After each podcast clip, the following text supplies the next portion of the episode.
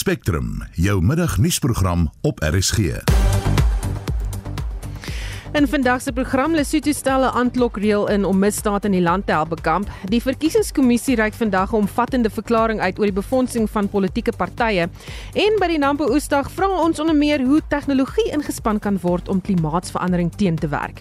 Die span in Johannesburg is redakteur Nicoline de Wee en produksieregisseur JD Labeskagni. Hier by Nampo in Botawil is John Estreisen ons redakteur en tegniese regisseur is Stanley Makubela. In jou sportnuus 'n moontlike verandering aan die rugby wêreldbeker formaat. Ons kyk na vanaand se UEFA Kampioenligga beker aksie en 'n voorskou van die tweede major van die jaar, die PGA Kampioenskap wat later die week afslaan. Op ons sosiale media gons sit natuurlik oor Nampo Oesdag en enige iets wat hier op die park gebeur en landbou. So gaan kyk gerus op die RSG Instagram bladsy. Jy kan ook gaan kyk op ons Twitter rekening as ook op ons uh, Facebook bladsy. Monitor Spectrum se Facebook bladsy. Daar is verskeie foto's en dinge wat hier gebeur. Ons vraag vandag, kundiges in skoolkringe sê kinders behoort nie enige energiedrankies by die skool te drink nie. En ons praat oor 'n paar minute hieroor. Die hoë inhoud van kafeïen in van die drankies veroorsaak soms hartklopings en hiperaktiwiteit by kinders. Dis is nou volgens onderwysers en ons wil by jou weet. Laat jy jou kind toe om energiedrankies te drink? Indien wel, mag hulle dit tydens skooltyd drink? En hoe reageer jou kinders nadat hulle sulke drankies gedrink het? Jy kan vir ons 'n SMS stuur na 45889 teen R1.50 per boodskap of praat saam op die Monitor en Spectrum Facebookblad. Ons saai regstreeks uit hier van Nampo Park net diskant Botawil uit en dit is natuurlik die Nampo Oesdag wat plaasvind van vandag tot en met Vrydag. Ons saai uit, ons gaan al die jongste nuus vir jou bring. My naam natuurlik Susan Paxton, maar uh, voor ons kyk na wat alles landbou aangaan, kom ons kyk na ander nuus van die dag. Statistieke Suid-Afrika het vroeër die werkloosheidskoers vir die eerste kwartaal van 2023 bekend gemaak. Die werkloosheidskoers het op 32,9% te staan gekom en ons praat nou met 'n ekonom van die Noordwes Universiteit professor Waldo Kriel. Uh Kriegel, goeiemôre Waldo. Goeiemôre Susan. Hoe die indeks vertoon? Uh, Susan, uh, dit is interessant. Uh, daar is werk geskep, maar die werkloosheidskoers het ook gestyg en ek dink die ding wat mense moet onthou is dit daar's nie net mense wat werk het en nie werk het nie. Daar's nog die ander groep wat hulle noem nie ekonomies aktief. Nou met Covid het die vlak van indiensname het afgeneem. Mense wat werk het, het baie minder geword, maar sedertdien het ons elke kwartaal werk geskep die verandering in die werkloosheidskoers het te doen met daai nie ekonomies aktiewe ouens wat dan terugkeer na die arbeidsmark toe. En dit dryf dan die koers wat ons nou sien. Dis hoe die ekonomie doen nie goed nie dit het nie baie goed gedoen in die eerste kwartaal nie maar daar is 'n bietjie werk geskep maar daar was dan 'n klomp nuwe mense wat aangemeld het en gesê het maar ek is nou beskikbaar vir werk en dit laat dan die koers so bietjie styg. Hm. nou watter sektore is daar werk in geskep uh, die sektore wat 'n bietjie werk geskep het, uh, kwartaal op kwartaal, uh, was hoofsaaklik uh, die sogenaamde die breë definisie van finansies en dienste. Uh die wat uh eintlik maar gedaal het was mynwese, vervaardiging, handel, konstruksie, uh al die ander dele van die ekonomie wat wat swaar gekry het onder beerdkrag. Hmm. En sê vir my, waar kom hierdie mense nou vandaan wat sê maar hy ons is beskikbaar om te kan werk? Huh dit weet ons nie presies nie. Uh waarheen hulle gegaan het in die in die laaste jare en 'n half nie. Ek dink daar was van hulle wat half net gesê het hulle gaan ontspan of of van hulle spaargeld afleef. Daar's ander wat dalk teruggegaan het na hulle oorspronklike landelike tuistes toe en daar probeer 'n lewe maak het. Die opname pen dit nie mooi vas nie, maar uh, wanneer hulle dan nou weer gevra word dan sê hulle, "Maar ek is nou weer beskikbaar om te werk." Hmm. Wat voorspel hierdie vir die res van die jaar? Jo, ekonome is bekommerd soos aan uh die die impak van beerdkrag op ekonomiese aktiwiteit het duidelik nou gewys in die produksie en mynbou syfers wat ons die laaste 2 maande gesien het en uh die die hoë vlakke wat nou veral in April en Mei gegeld het, uh, gaan waarskynlik ook deurspoel na na die die toekomse werkloosheidssyfers toe. As die ekonomie nie groei nie, kan hy ook nie werk skep nie. So ek dink ons ons sien 'n donker prentjie vorentoe. Baie dankie. Dit was professor Waldo Kriel, ekonom van die Noordwes Universiteit. Die Passasierspooragentskap van Suid-Afrika, oftewel PRASA, verskyn vandag voor die Parlement se staande komitee vir openbare rekeninge. Ons praat nou met ons parlementêre verslaggewer Zelin Merrington. Goeiemôre Zelin. Middag Susan. Prasa se verskyning voorskoor vandag het te doen met 3000 spookwerknemers wat tydens 'n vergadering in November verlede jaar ter sprake gekom het. Vertel ons daarvan. Wel Susan, hulle gee nou ehm um, terugvoer oor die probleme wat in November geïdentifiseer is. En onder andere is dit nou oor hierdie werknemers, maar die nuwe ehm um, groepshoof van Prasa, Hisham Imran, sê hulle is nou nog besig om die stelsel skoon te kry. Hy sê daar is nou alreeds so wat 1500 van hierdie so ehm um, sogenaamde spookwerknemers wat nou ewe skielik van die stelsel af is. So hulle probeer nou uit uitvind ehm um, jy weet hoe steek die hoe hoe werk die hele gedoente? Want ehm um, uit die aard van die saak is daar reeds getuienis dat ehm um, van die werknemers betrokke is en dat hulle nou besig is om van hierdie spookwerknemers ehm um, ontslae te raak. Maar hy sê dat hulle beoog om in die voor die einde van hierdie maand uh, beoog hulle om 'n uh, forensiese ondersoek uh, maatskappy aan te stel um sodat hulle nou agter die kap van die byl kan kom maar daar is nou al reeds sê hy um het hulle nadat hulle nou 'n audit gedoen het is daai 3000 ehm um, nommer is nou al 'n bietjie afgewentel na 2200. So dit is nou die 2200 werknemers wat hulle nou sal ehm um, ondersoek deur middel van 'n forensiese ehm um, uh, maatskappy. Dis steeds baie werkers. Mm.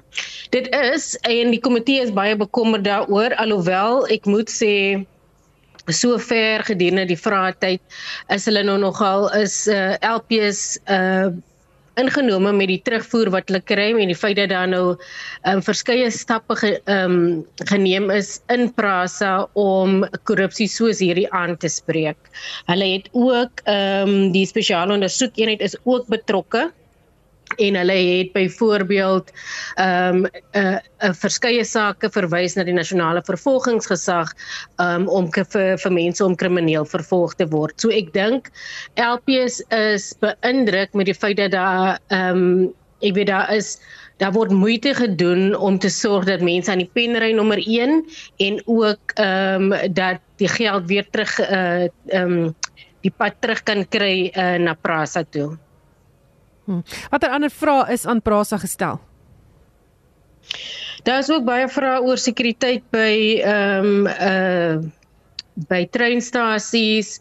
Ehm um, in in Kaapstad byvoorbeeld gedurende uh, uh COVID het uh, mense ehm um, huise gebou, uh plakkershuise gebou op ehm um, op die ehm um, uh op die treinspore byvoorbeeld. Dit is 'n kwessie waaroor hulle nou 'n uh, 'n uh, terugvoer gee en ook sekuriteit in algemeen omdat waar daar nie treine meer loop nie, ehm um, jy weet is die infrastruktuur ehm um, aansienlik um, beskadig deur vandale en ehm um, so hulle gesels ook nou oor hoe om daai sekuriteit weer terug te kry en ook ehm um, om lyne eenvoudig net weer oop te kry daar's baie dinge wat ongelukkig soos byvoorbeeld ehm um, in Kaapstad eh uh, die Simonstad ehm um, uh, lyn uh, word baie gereeld as gevolg van sand op die ehm um, op die treinspoor moet die lyn toe. So hulle gesels ook oor sulke goed, maar in die aard van saak kos dit geld en ehm um, die nuwe groepshoof sê ook dat ehm um, alhoewel hulle probeer om uh, die stelsel te moderniseer sodat vandale nie soveel skade so vinnig aanrig nie, uh, bly dit 'n probleem. Vandalisme bly 'n probleem en dit het elke keer 'n impak op die reeds beperkte diens wat hulle tans lewer. Baie dankie. Ons het gepraat met ons parlementêre verslaggewer, Celine Merrington. Lesotho se minister van polisie, Lebona Lepe, Lepema, het gisteraand aangekondig dat 'n aandklokreël van vandag af onbepaald tussen 10:00 saans en 4:00 soggens in die land sal geld. Die minister sê die aandklokreël is ingestel om toenemend misdaad in die land of die toenemende misdaad in die land op te slaan. Die maatreël is ingestel kort nadat 'n bekende radioaanbieder en joernalis, Rally Konela Joki, gisteraand in Maseru doodgeskiet is nadat hy die ateljee verlaat het. Ons praat nou hieroor met emeritus professor Willie Breitenberg verbonde aan Universiteit van Stellenbosch. Uh goeiemôre Willie. Goeiemôre julle. Is dit ongewoon vir 'n land om 'n aandklokreël in te stel om misdaad hok te slaan? Ja, dit is vir my uh, 'n rare stap wat gewoonlik gedoen word wanneer die grondwet of sulke burgerlike vryhede ingekort word en wanneer daar 'n staatsgreep van soorte is op buitelandse bedreiging en uh, hierso uh, die oorsaak en die gevolg ry nie lekker nie maar nou ja dit is Afrika. Hmm. Verskeie staatsgrepe het al in Lesotho plaasgevind. Kan dit moontlik hiermee verband hou? Ons weet nie, daar was al sewe gewees in die verlede, dis ook die enigste land in Suid-Afrika, met ander woorde in die Suid-Afrikaanse ontwikkelingsgemeenskap waarvan daar so 14 lidlande is en Lesotho loop los voor wat staatsgrepe betref uh vanaf uh die jaar van Nsumu Keke wat uh, redelik lank regeer het maar sedert dit was daar verskillende militêre staatsgrepe soos ek nou nog gesê het ek ek tel nou al by 7. Ek dink nie wat ons nou sien is 'n staatsgreep nie, maar dit kom amper op dieselfde neer omdat dit burgerlike vryhede aankort. Hmm. Nou Lesotho se burgers word gemaan om ten alle tye identifikasie by hulle te dra en dat owerhede waarskynlik ontplooi sal word om die aandklokreël af te dwing. Onder watter maatreëls sal dit gedoen kan word? Uh, gewoonlik is dit maatreëls wat samenhang met 'n noodtoestand en ek is nie seker wat is die rede vir so 'n noodtoestand nie behalwe dat mense in die algemeen kan vermoed dat uh, die soetonie vreeslike stabiele plek is soos ek nou nog gesê het heel wat staatsgrepe opgelewer maar in hierdie geval is die weermag rustig en die weermag sal waarskynlik uh om skaar uh, by die nuwe bewindhewers nadat die DNP van uh, Tsumukese en van Jonathan of die DCP uh, so lank regeer hierdie is nou 'n nuwe regering aan die gang van dat uh, Matabane oorgeneem het en mense sal nou maar moet sien uh, hoe die verloop van sake is ek dink dit behoort nie te moeilik te wees vir Lesotho om uh binnekort weer dalk weet van hierdie maatreëls wat nou afgekondig is uh te herroep nie. Mm. En sê vir my belangrik is dit dat dinge vlot in Lesotho vir ons. Ja, absoluut so want uh ja, meer as die helfte van Lesotho-landse burgers, met ander woorde mense wat etniese Besothos is, is nie burgers van hulle eie land nie. Hulle het Suid-Afrikaners geword deur naturalisasie of deur baie lankal in Suid-Afrika te woon, soos in die Vrystaat se goudvelde en in die res van die land. Is daar baie Besothos en uh, hulle is waarskynlik as jy kyk na hulle identiteitsboeke, sal jy waarskynlik sien dat hulle as Suid-Afrikaanse burgers geklassifiseer word omdat hulle al so lank hier is. Maar wat ek nou sê is bespiegeling, daar is net geen feite daaromtrent nie, maar dit is vir my logies dat dit so sou wees. Hmm. Storie wat ons sal dop baie dankie. Ons gepraat met Emeritus Professor Willie Breitenberg verbonde aan Universiteit van Stellenbosch.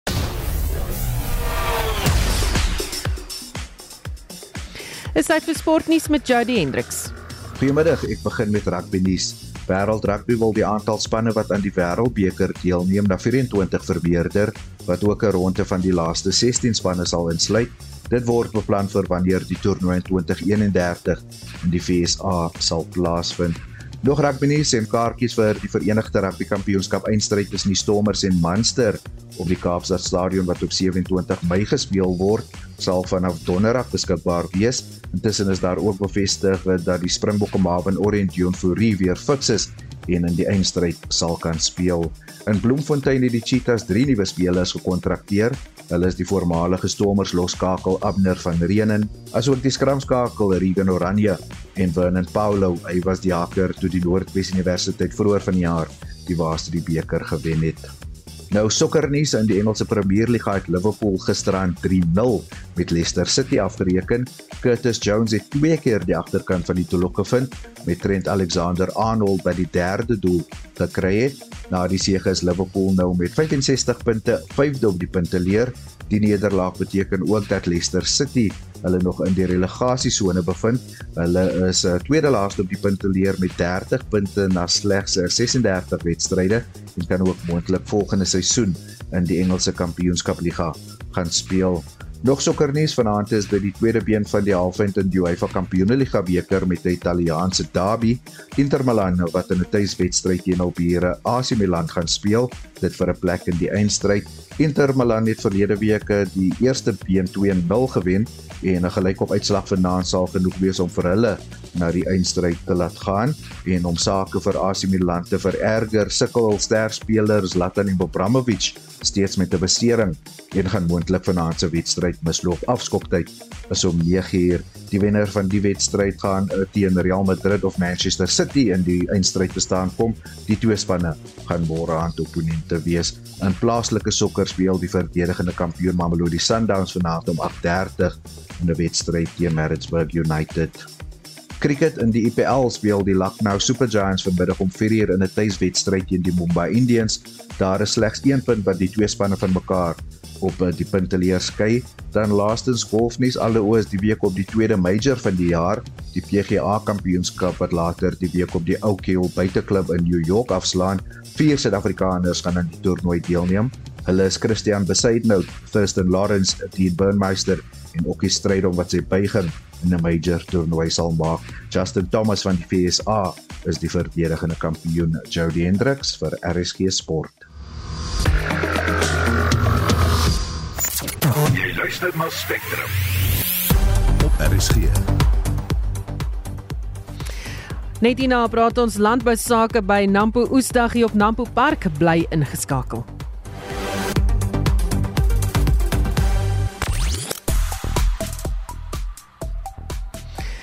Ons vra vir jou oor energiedrankies en of jy dink kinders moet energiedrankies drink. En ek sien op die SMS lyn het 'n luisteraar uh, gestuur dat uh, nee, my kind is al 16 jaar oud en hy het nog nooit in sy lewe sy mond aan 'n energiedrankie gesit nie en iemand anders wat dan ook 'n SMS stuur en sê maar ehm um, hey, dis dit my hartklopings gee. Wat gaan dit dan nou aan kinders doen? Mense dink soms glad nie. Dan op die Monitor Spectrum Facebook bladsy ook 'n klomp terugvoer uh, Engela Haker wat sê nee, ek sal dit uh, nie koop nie. My kind sal uh, of water of wat ek ook al vir hom of haar gee, bietjie tee of koffie, maar niks van hierdie ander energiedrankies nie. Miskien 'n bietjie aanmaak koeldrank. Uh nog 'n luisteraar wat dan ook reageer en sê dis Lisa Annandale. Ek het met water groot geword en so ook my kinders met water en 100% vrugtesap. So klop mense wat teen dit is. Uh Blinda Petersen wat sê ek stem volkome saam kinders moenie dit drink nie en Louise uh, Piet Potgieter wat 'n interessante opmerking maak. Sy sê vergeet die hiperaktiwiteit. Dit maak hulle oorgewig. Klomp suiker baie keer in daardie uh, energiedrankies ook. Jy kan steeds saamgesels as jy wil uh, op die Monitor en Spectrum Facebook bladsy is die vraag so gesels daar of en terwyl jy daar is maak sommer ook 'n draai by al die video's en die foto's wat ons daar geplaas het van wat hier by Nampo aangaan of jy kan vir ons 'n SMS stuur na 45889 onthou SMS se kos R1.50. Ook tyd nou om te gesels oor sake hier by Nampo. Allerhande interessante landbougesprekke. Vandag praat 'n klomp mense oor klimaatsverandering en soos ek genoem het, ons saai uit regstreeks van uh, die Nampo Oesdag uit. Ons is hier by Diskant Botawil op die Nampo Park en uh, ons is in die nasie gespreksaal. Dis die ou donkerhoek saal vir die wat uh, die saal nog so ken.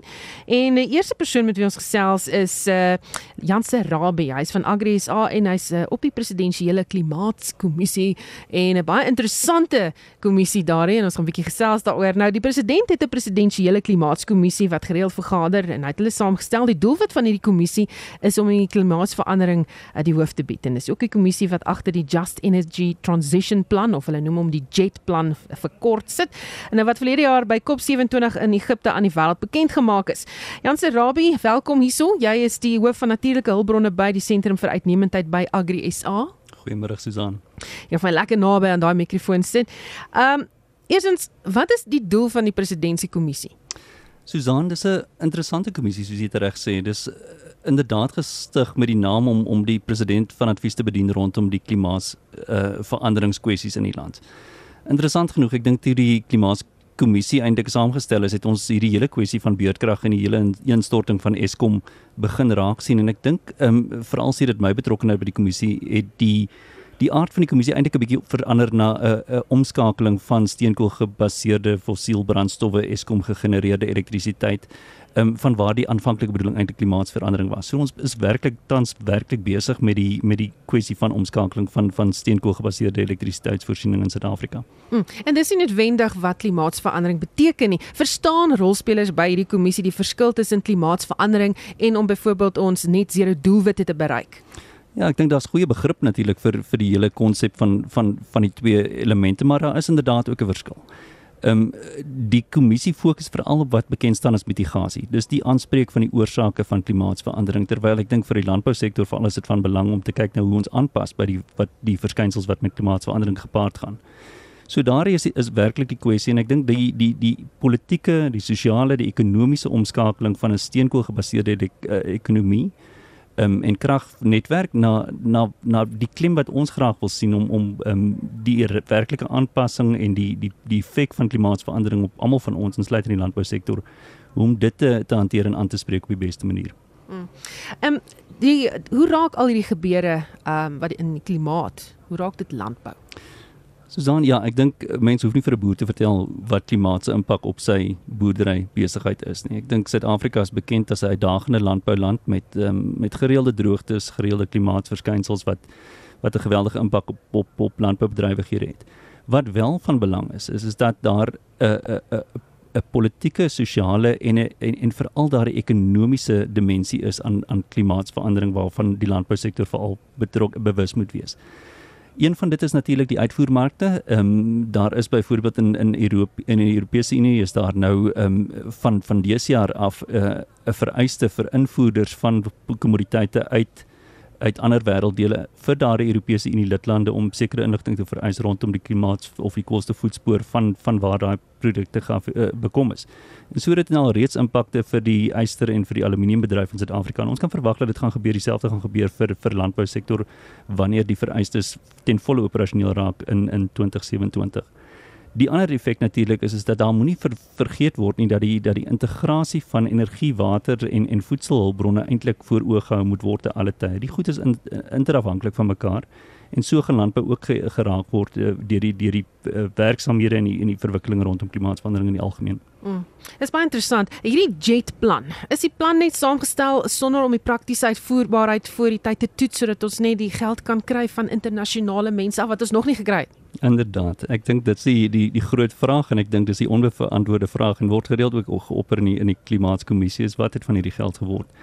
Ek dink een van die dinge wat verstaan moet word is dit is 'n dis 'n onderneming wat in Glasgow, dis die voor voor afgelope ehm um, conference of the party of vergadering van die partye um, plaasgevind en dit is 'n onderneming van 'n van 'n aantal ontwikkelde lande om 'n bedrag van 8.5 miljard dollar aan Suid-Afrika beskikbaar te maak by wyse van spesifieke preferensiële lenings en en ehm uh, en geldvoorskieting wat wat uh, wat sou kom. Interessant genoeg is dan die die internasionale verdrag wat hierdie hele ooreenkoms en en en die COP soos hulle bekend staan voor afloop maak eintlik voorsiening daarvoor dat die ontwikkelde wêreld 'n 100 miljard dollar per jaar moet beskikbaar stel.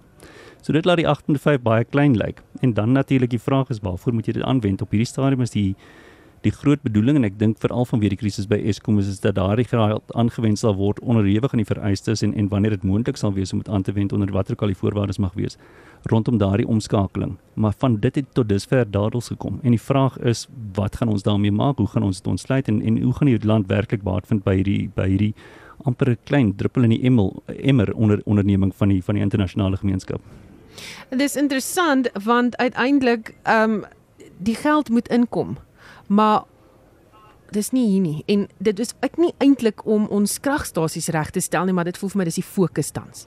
Ja, inderdaad. Ek dink die dis die die low hanging fruit of die laaf vrugte wat die wat die regering natuurlik geïdentifiseer het en en soos meneer De Ruyter ook onlangs gesê het, ek dis waarom hy saamgegaan het na die na die verdrags uh, na die na die conference of the party in Glasgow toe is om te kyk hoe daai geld aangewend kan word.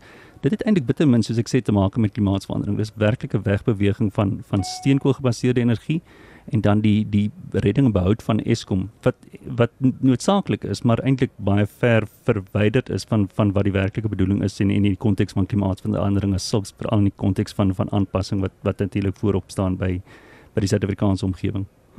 Baie dankie, dankie dat jy hier was. En hy was 'n lid van die presidensiële klimaatskommissie Jan Serabie. Hy's ook die hoof van natuurlike hulpbronne by die Sentrum vir Uitnemendheid by Agri SA. Nou klimaatsverandering en die impak daarvan is 'n gewilde tema oor verskeie sektore, selfs in landbou. Nou interessant genoeg het ons nou met Jansen of Jansen Rabie gepraat en hy het vroeër vir my gesê dat juis landbou se koolstofvoetspoor al kleiner word weens die tegnologiese ontwikkelinge wat plaasvind. Ons praat nou ook met die Wêreld Natuurlewe Fonds of WWF se Jacques Jansen van Rensburg. Good afternoon, Jacques. Good afternoon. Welcome to Nampu. it's a pleasure. First time I'm, I'm seeing the badge. Um, so, how do you link agriculture and what the WWF is doing and climate change? So, WWF believe we believe that um, nature conservation and agriculture is integrated. We can't look at agriculture as a standalone um, commodity anymore. Agriculture is reliant on clean water, healthy soils, and uh, a, a whole suite of different ecosystem services that are available and provided through a healthy ecosystem.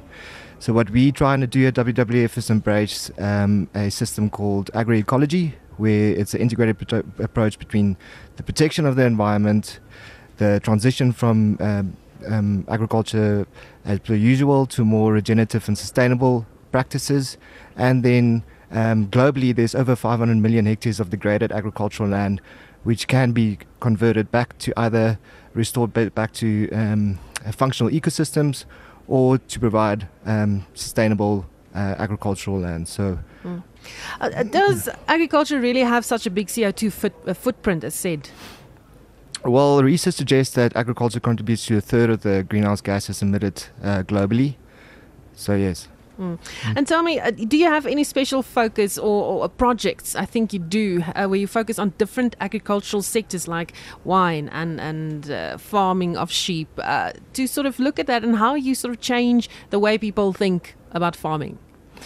Yes, so so one of our uh, flagship projects is called the Conservation Champions Program, where we work with currently 60 farms scattered throughout the Cape Winelands that are committed to sustainable and regenerative farming practices.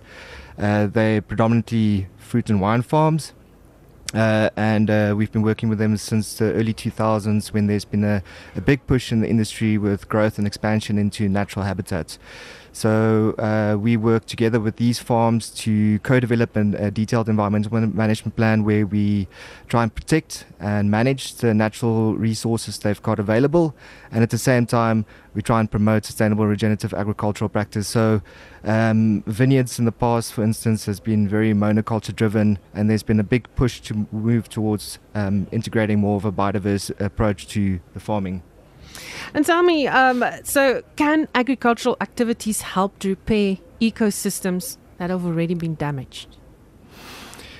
So yeah, as I mentioned earlier, I think uh, agriculture and conservation of our natural resources is interlinked. Um, agriculture is, is, uh, requires ecosystem services, and the ecosystem requires farmers to change the approach from from using um, you know using practices that are not for, uh, environmentally friendly to moving towards more uh, practices that can promote biodiversity through the integration of various cover cropping systems, rotational grazing, uh, focusing on soil health specifically. So it's not just above ground biodiversity that is a focus, but also what is happening in your soil. Um, is your soil alive? Is it healthy? And uh, the farming practices that has been with the green revolution um, has resulted in a degradation of the environment instead of the promotion of biodiversity.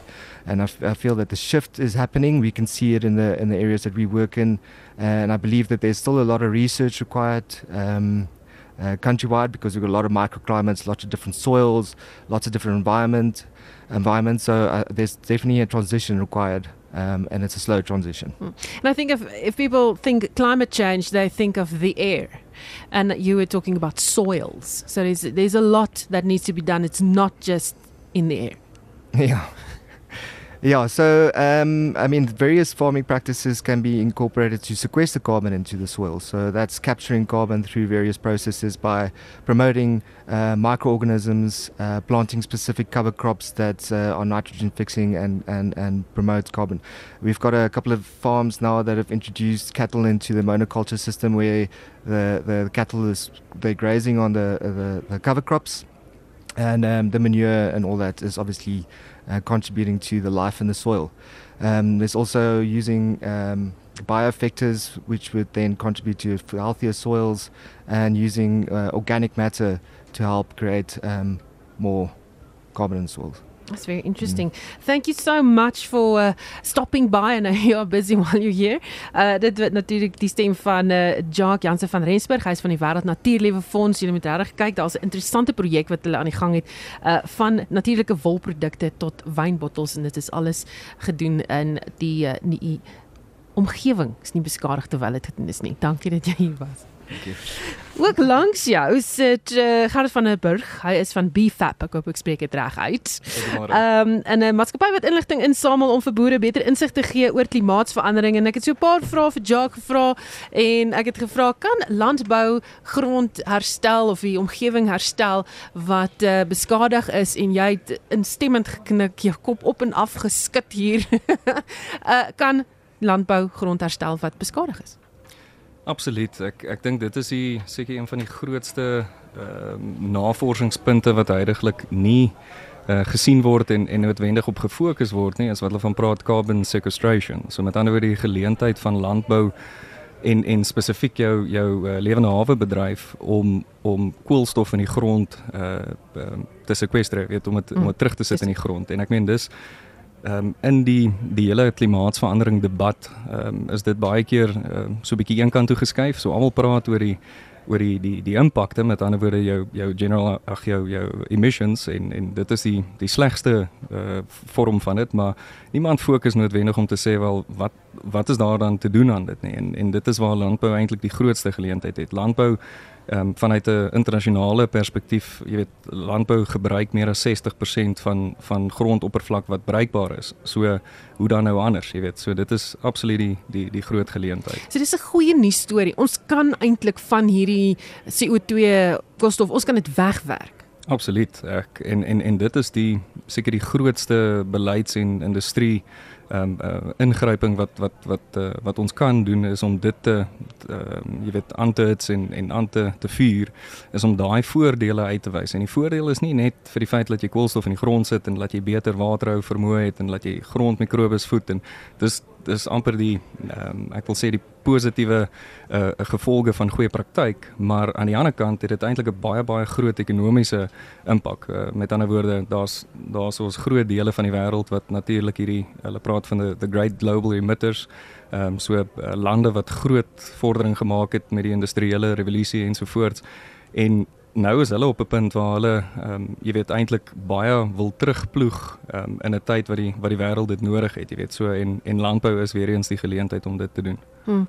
Uh, wat Dit is van die ander interessante navorsing bevindinge wat julle nou al ge, gevind het met hierdie navorsing en inligtingsinsameling wat julle doen met betrekking tot klimaatsverandering en alles wat daarmee saamgaan.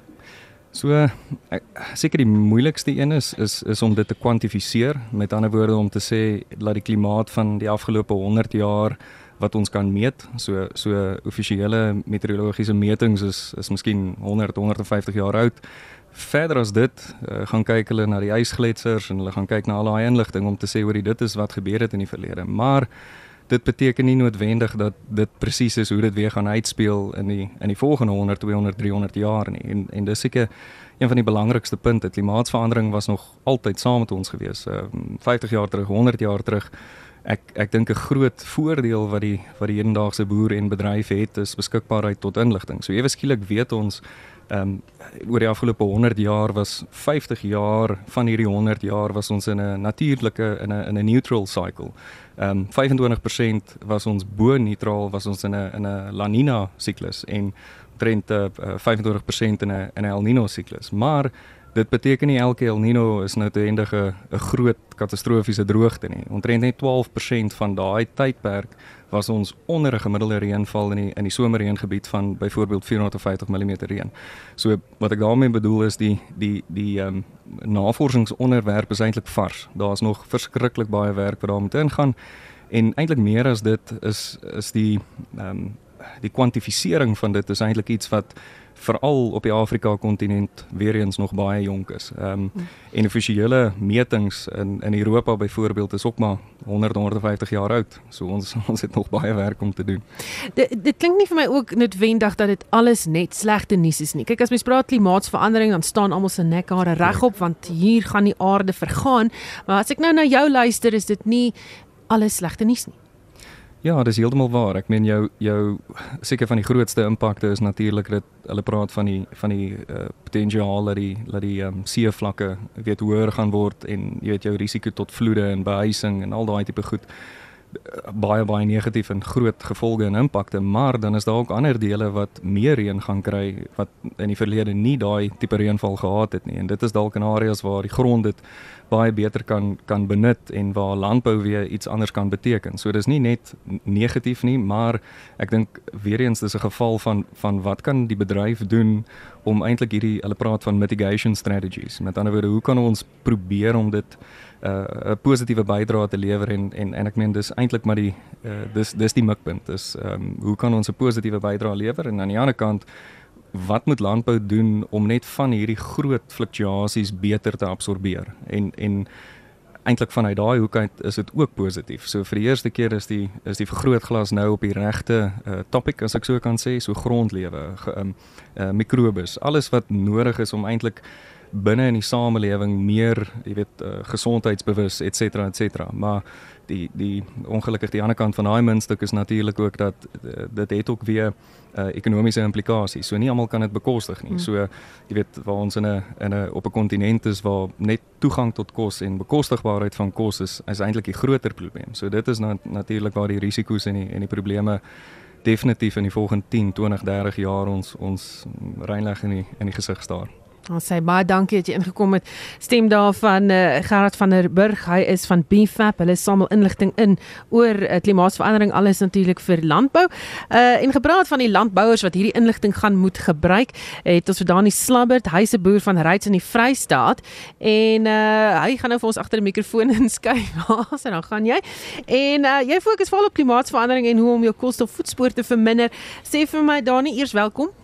Ja, baie dankie. Dis 'n voorreg om hier te wees. Uh wat tipe veranderinge moes jy maak aan jou boerdery? Ja, weet jy, dit kom nou 'n lank pad. Ek boer nou so 23 jaar en ehm um, ek het so 8 jaar in my boerdery in besef ek wil bietjie nader aan die natuur boer en bietjie meer kyk na my belangrikste hulpbron wat ek altyd sê die grond is. En toe het ek 'n verandering begin maak um, om na geen bewerking toe oor te skakel. En met die hele proses in die laaste 15 jaar kan ons sê het daar baie verandering gebeur. So daar was verskriklike verandering want dit is nie 'n vaste stelsel wat jy uh lynreg of reëls kan stel nie. Dit verander soos die grond en die natuur en die lewe meer word. So dat toe ek nou op hierdie wonderlike pad begin stap en um beleef wat wat werklik onder mense voete aangaan en hoe belangrik ons grond is. So dit het 'n redelike groot impak gehad op my hele boerdery uitkyk. Was dit moeilik en duur? Ja, dit dit is baie dit is baie moeilik, maar moeilik is mos relevant. Moeilik kan mos nou ook baie positief wees. Dit is 'n uitdaging, sal ek eerder sê. Dis goed gestel. Dit is moeilik. So ehm um, ja, ons ons baie van ons ehm um, streef mos maar na uitdagings en dis mos hoekom ons op hierdie aarde is. So dit was dit was 'n baie baie lekker en groot uitdaging en daar is daar is baie daar's baie oomblikke wat baie meer uitdagend is as ander. So dit was nie maklik nie. Dit kan ek baie duidelik sê. En dit is uh, die duurste die duurste van dit is is die foute wat jy maak.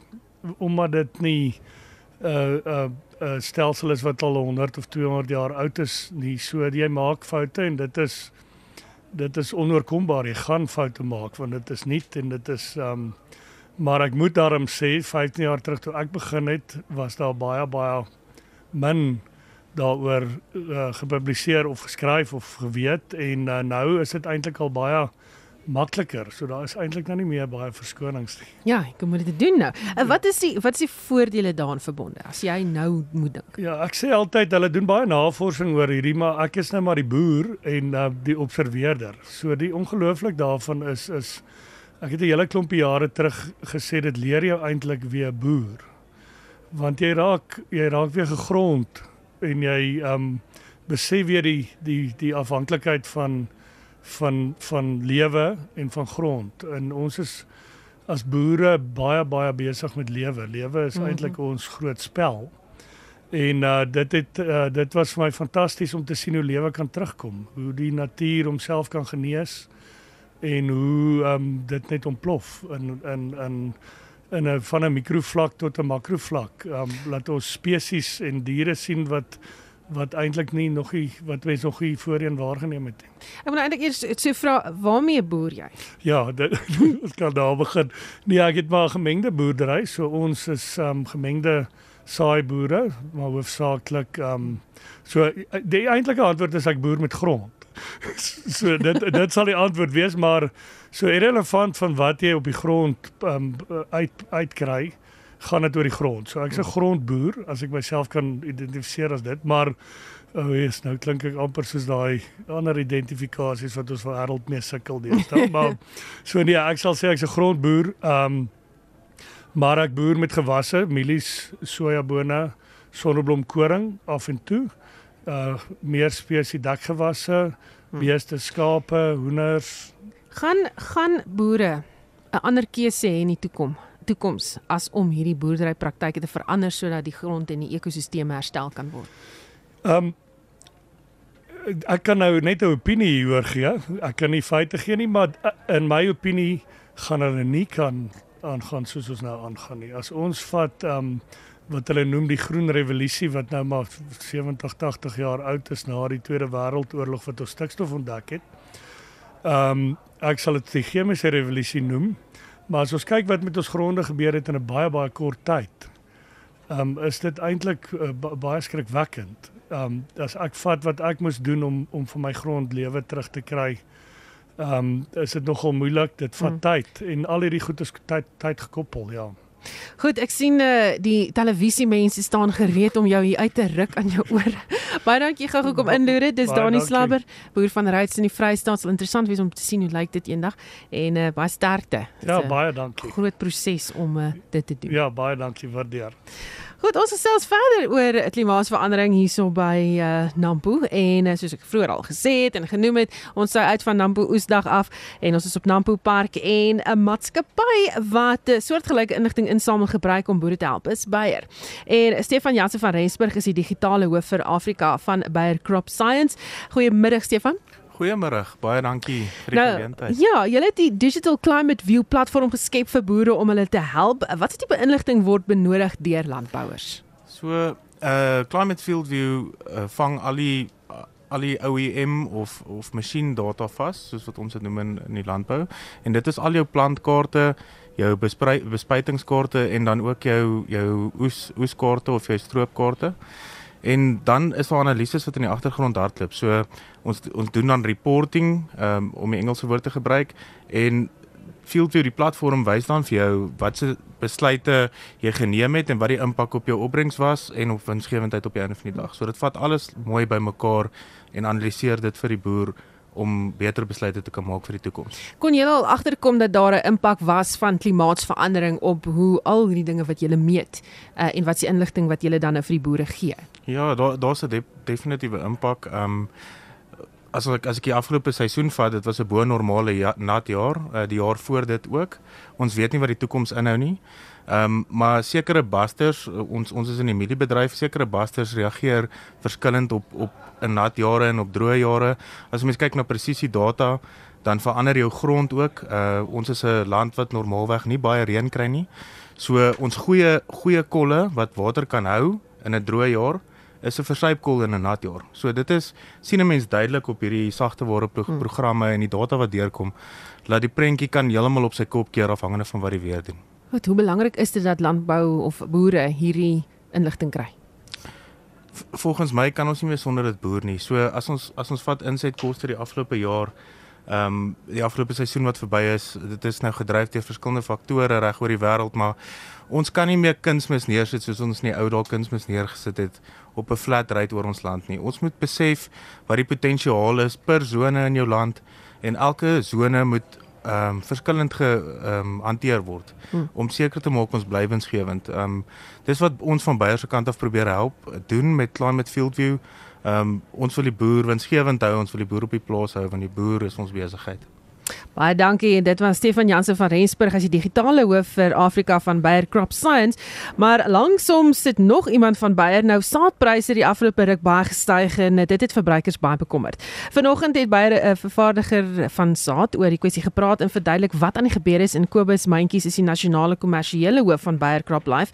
Uh goeiemiddag hier Kobus. Goeiemôre, baie dankie. Jy moet vir my lekker naby aan die mikrofoon sit. Hy is jou maatjie. Daar's hy. Hoekom het saadpryse so gestyg? Ek dink die groot rede vir die saadpryse is maar ons is ook boere. Die, die mense moet verstaan dat ons produseer daai saad hier in Suid-Afrika en dieselfde impakte wat boere voel wanneer dit kom by die stygende koste, so dieselfde impak op ons. So, ehm um, daai saad is laas seisoen geproduseer met 'n baie hoë graanprys op daai stadium, baie hoë pryse van kunsmis, ehm um, van ander insette en dan ook energie. So, dit het 'n groot impak um, op ons koste van produksie en um, ja ons koste van produksie het deel wat meer gestyg as wat die saadprys gestyg het. So alhoewel ons die saadprys bo gemiddeld gelig het, was dit nog steeds um, vir ons uh, belangrik om die prys daar te posisioneer waar 'n boer waarde vir sy geld kry. Hm. Sê vir my, hoe maak julle seker dat boere dan nou volhoubaar kan boer uh, met die saad terwyl dit dan nou so duur is? Ek dink mens moet altyd gaan kyk na wat se tegnologie en wat kry jy saam met daai sakkie saad. Ek dink al die ontwikkeling en al die um navorsing wat ingaan en al die kennis wat ons saam met die boer deel wanneer ons daai saad aan hom verkoop is deel van die totale beierwaarde proposisie. Ons gebruik die digitale tegnologie waarvan Stefan nou net gepraat het, ons gewas um uh, uh chemie gedeelte van die besigheid en hy saad alles saam om op die ou en die waarde op die boer se plaas te ontsluit. So deur al daai gedeeltes saam na te vors en en die en die regte raad vir die boer te gee, kry nog steeds waarde um, vir sy geld. En ek glo as die boer kan volhoubaar boer en winsgewend boer sal ons volhoubaar op sy plaas kan bly. Hmm. Goed, voor jy gaan, moet jy my eers vertel van die groot goue mielie wat daar voor julle stalletjie staan. Ek het gister raas gekry want daar is net wit mielies. en die ander mielie, die geel mielie en nie 'n goue mielie nie. Almal sal 'n goue mielie wil hê, die persoon gesê, maar daar is inderdaad hierdie groot mielie, die grootste een nog. Ja, ons nooi almal uit dat jy op Nampo is kom kom besoek ons groot goue mielie.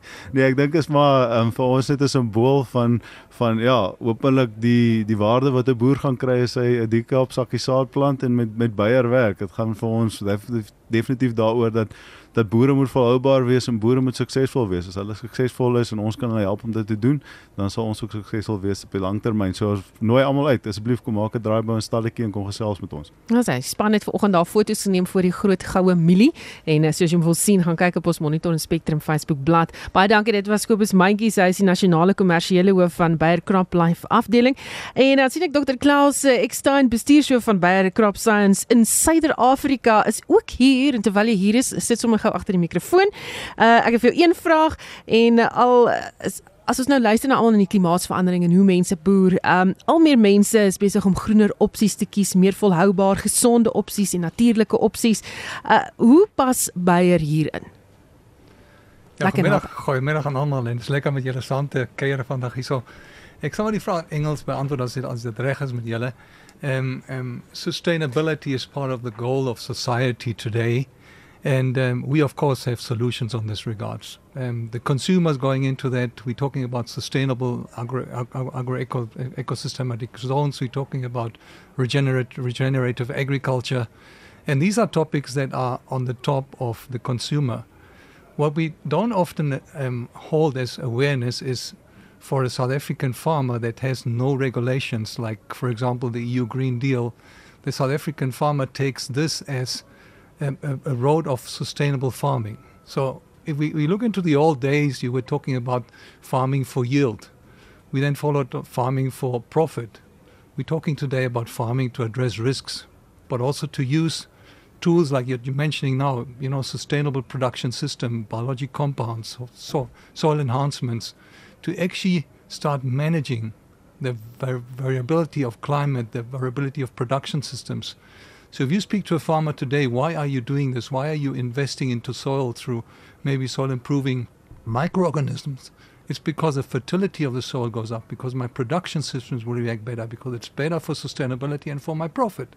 So it becomes part of a production system. And this is where Bayer comes in. We, we, we're not talking about, you know, a chemistry versus a biologic system. We're talking about how do we integrate a system that can work on the farm and providing most value, but also work to a food value chain where we're talking about, you know, healthy food supplied, uh, supplied as a as an affordable price. And that's where the where the direction is going. Hmm.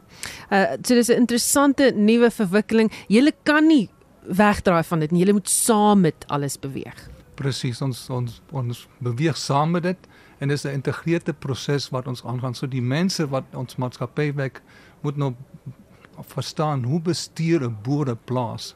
As jy as jy dit verstaan, dan weet jy hoe kan jy ingaan om daai risiko te bestuur saam met die boer. Hoe kan jy oplossings um, opkom met? En hoe kan jy daai daai vennootskap wat wat Kobus net oor gepraat het langtermyn uit um, uitbrei? Ja, baie mooi. Baie dankie in Afrikaans sommer. Was Dr. Klaus Ekstein. Ek doen maar my beste. Ja, bestuurshoof van Bayer Crop Science in Suid-Afrika wat so vinnig hier ook agter die mikrofoon ingeskuif het. Dankie dat jy ingestem het so vinnig daarvoor en eh uh, dat jy saamgesels het vanmiddag. Baie dankie. Die saak in hier word aangebied deur Renier van Sail portefeuljebestuurder by Efficient Private Clients. Goeiemiddag Renier. Goeiemôre Suzan en ook aan almal wat inluister. Ek hoop dit gaan goed met almal.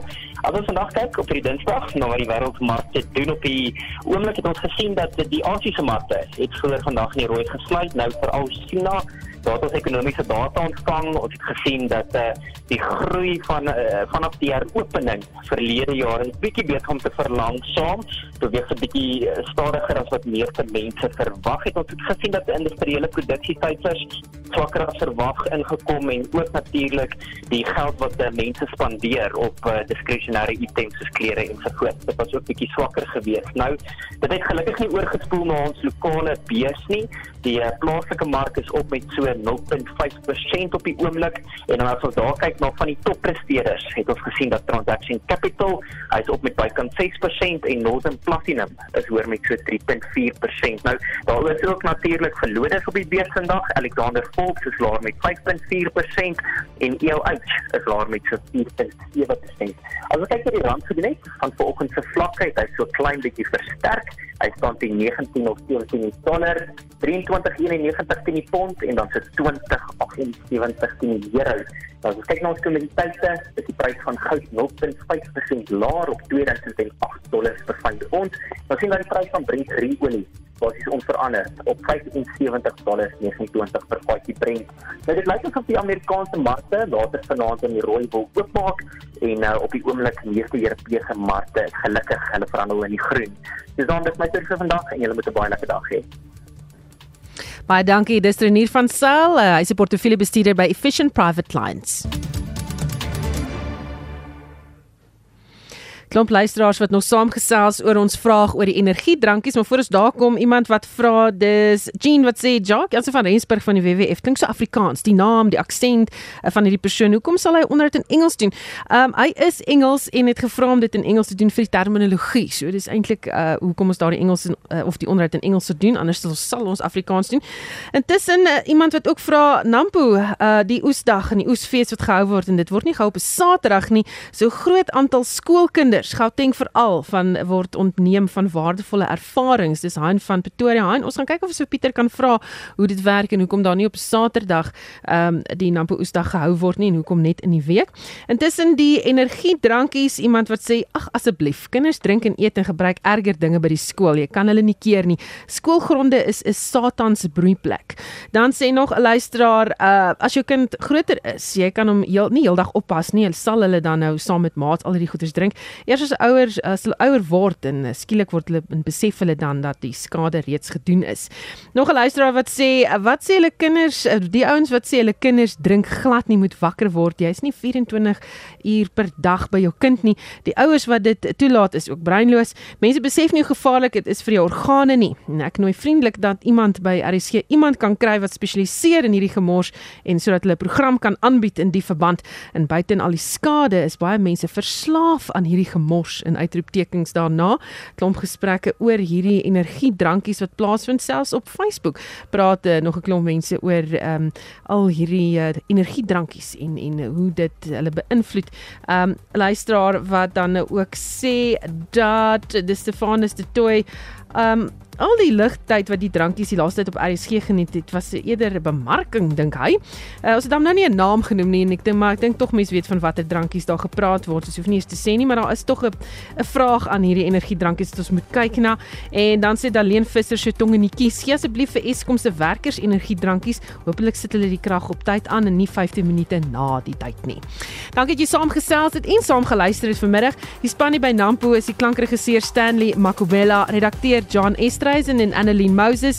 In Johannesburg is die uitvoerende regisseur en redakteur Nicoline de Wee en uh, die klankingenieur JD Labeskagni. My naam is Susan Paxton. Onthou môreoggend in Monitor praat ons oor plattelandse hernuwing. Dis so net voor 7, so moenie dit misloop nie. Intussen, geniet jou uh, dag in die geselskap van RSG.